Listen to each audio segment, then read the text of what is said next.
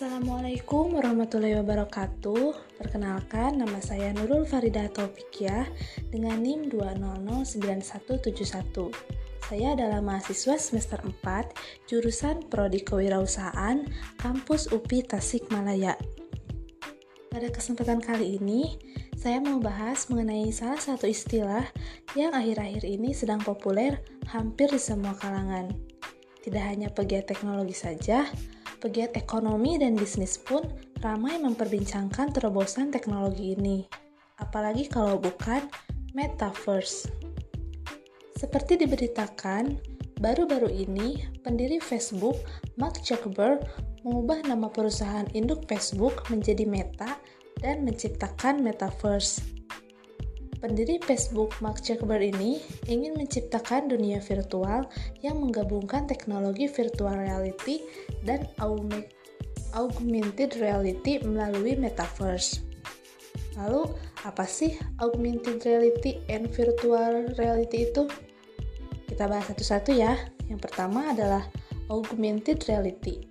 Jadi, itu adalah teknologi yang menggabungkan benda maya dua dimensi dan ataupun tiga dimensi ke dalam sebuah lingkungan nyata, lalu memproyeksikan benda-benda tersebut secara reality dalam waktu nyata.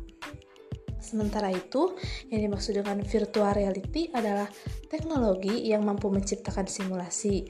Simulasi ini bisa mirip seperti dunia nyata, seperti suasana saat pengguna berjalan-jalan di sebuah tempat.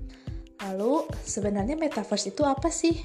Nah, metaverse ini adalah sebuah konsep dunia virtual di mana seseorang dapat membuat dan menjelajah dengan pengguna internet lainnya dalam bentuk avatar dirinya sendiri.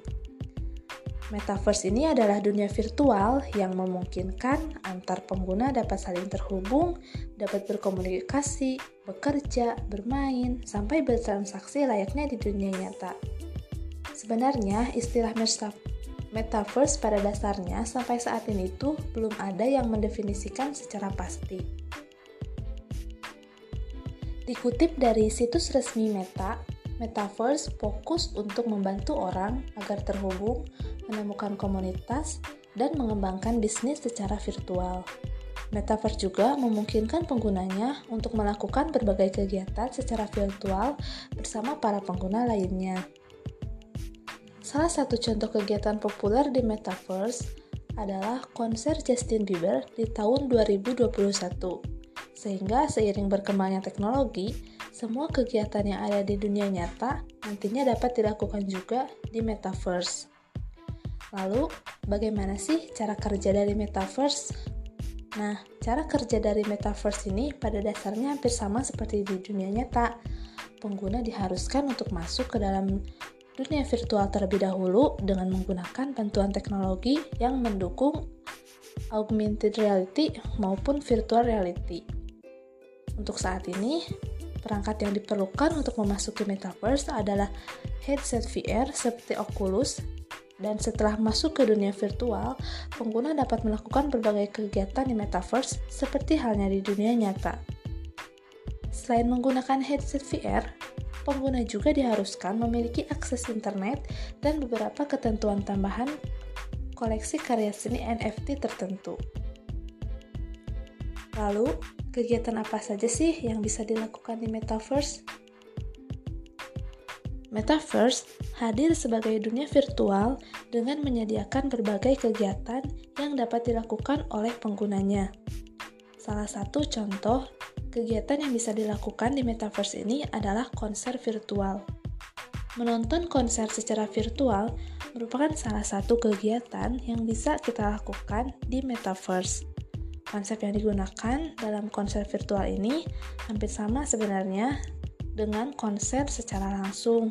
Dengan menggunakan bantuan teknologi, pengguna akan dapat merasakan suasana konser virtual yang mengesankan.